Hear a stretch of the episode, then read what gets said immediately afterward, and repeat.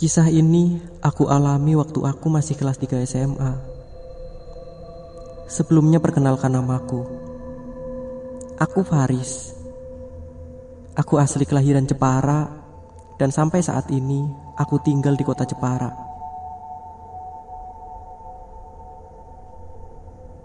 ...16 Oktober tahun 2015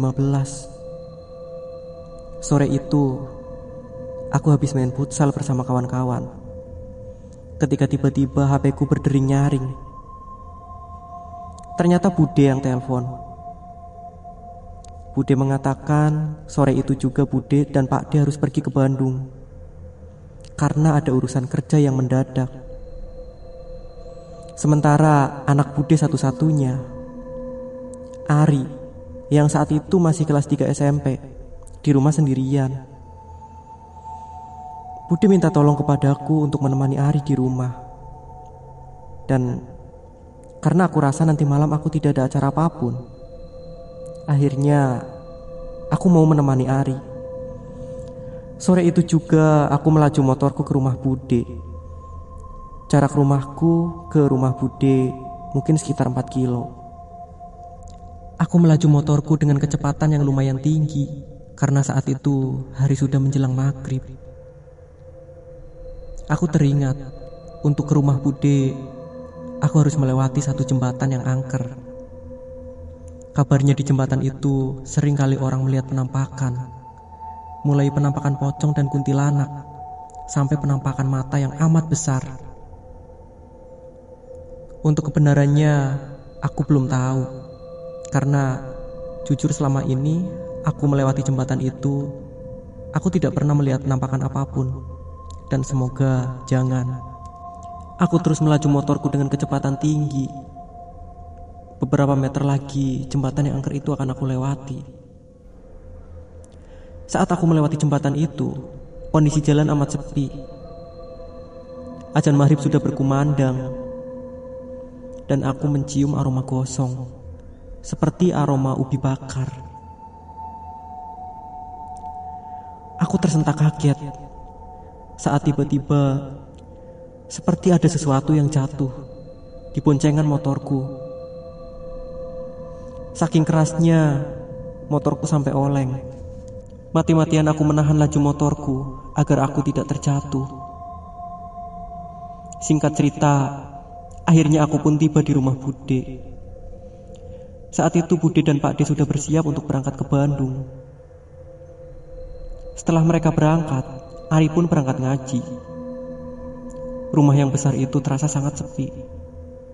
Aku di rumah hanya sendiri.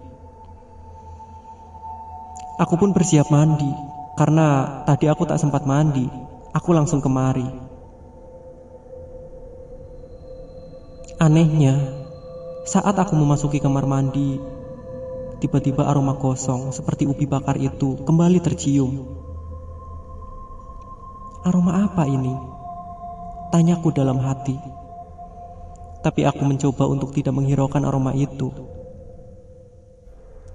Tubuhku terasa sangat segar, terguyur air yang dingin.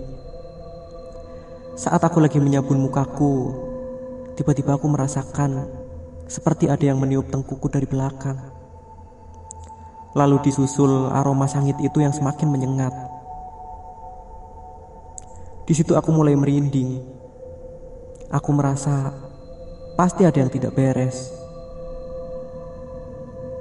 Aku buru-buru mengguyur mukaku, membersihkannya dari busa-busa sabun. Lalu aku membuka mata. Sekilas dengan ekor mataku, aku melihat sosok bayangan yang berada di belakangku. Aku pun menengok ke belakang sepenuhnya, tapi ternyata sama sekali tidak ada apa pun. Kupikir aku yang terlalu halu karena masih terbawa suasana seram di perjalanan tadi. Aku pun buru-buru menyelesaikan mandiku. Dan saat aku keluar dari kamar mandi, tiba-tiba di pojok dapur aku melihat sosok buntalan lusuh yang orang biasa mengenalnya pocong.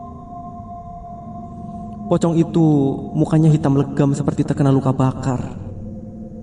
sedang berdiri sambil menggoyang-goyangkan kepala menatap ke arahku. Hampir semaput aku melihat itu semua. Sebisa mungkin aku berusaha tidak teriak. Aku membaca-baca doa sebisaku.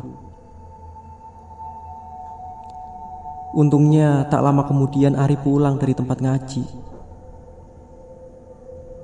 Aku memutuskan tidak menceritakan apa yang aku lihat kepada Ari. Aku takut Ari akan ketakutan. Aku juga menduga mungkin aroma yang sangit itu berasal dari tubuh pocong yang memang mukanya hitam legam.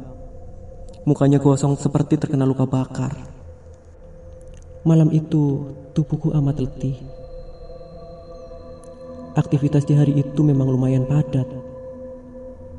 Sehingga aku tertidur di waktu yang belum terlalu malam. Aku tertidur di ruang tengah di depan televisi. Saat aku tertidur, Ari masih sibuk belajar. Sampai akhirnya aku pun terjaga di tengah malam. Televisi sudah dimatikan, dan sepertinya Ari tidur di sampingku. Posisi tubuhku membelakangi Ari.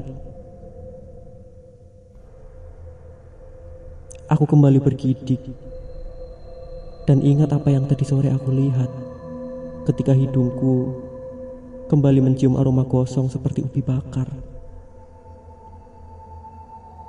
Pocong. Ingat makhluk itu, aku benar-benar ketakutan sendiri. Aku berniat akan membangunkan Ari untuk berpindah ke kamar. Perlahan-lahan aku membalikan tubuhku menghadap ke arah Ari.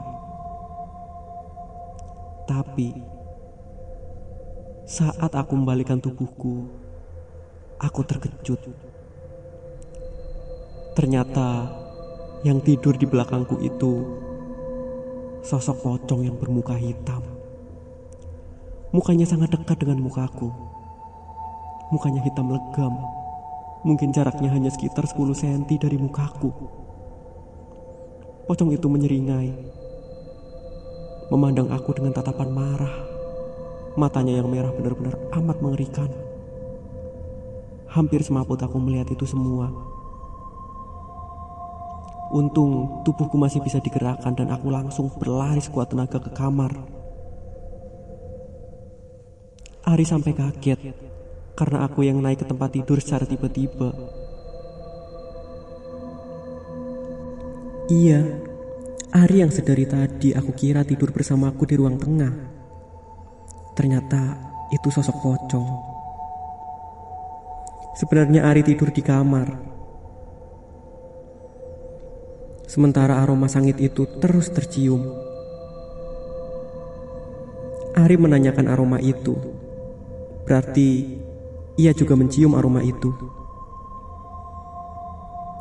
Aku beralasan mungkin ada tetangga yang bakar-bakaran singkong, atau mungkin ada bekas bakaran sampah yang apinya kembali menyala. Ari pun tak menghiraukan hal itu. Ia langsung kembali tertidur. Malam itu aku lalui amat panjang. Beruntung keesokan harinya Bude dan Pak D sudah pulang. Dan akhirnya aku pun kembali pulang ke rumah. Selama perjalanan pulang ke rumah, aroma sangit itu terus tercium. Dan saat aku melewati jembatan itu, tiba-tiba sosok pocong terbang di atas kepalaku. Sosok itu terbang dan menyelinap ke pepohonan dalam hatiku berkata, Kembalilah kau ke tempat asalmu. Tak usah terus mengikuti aku.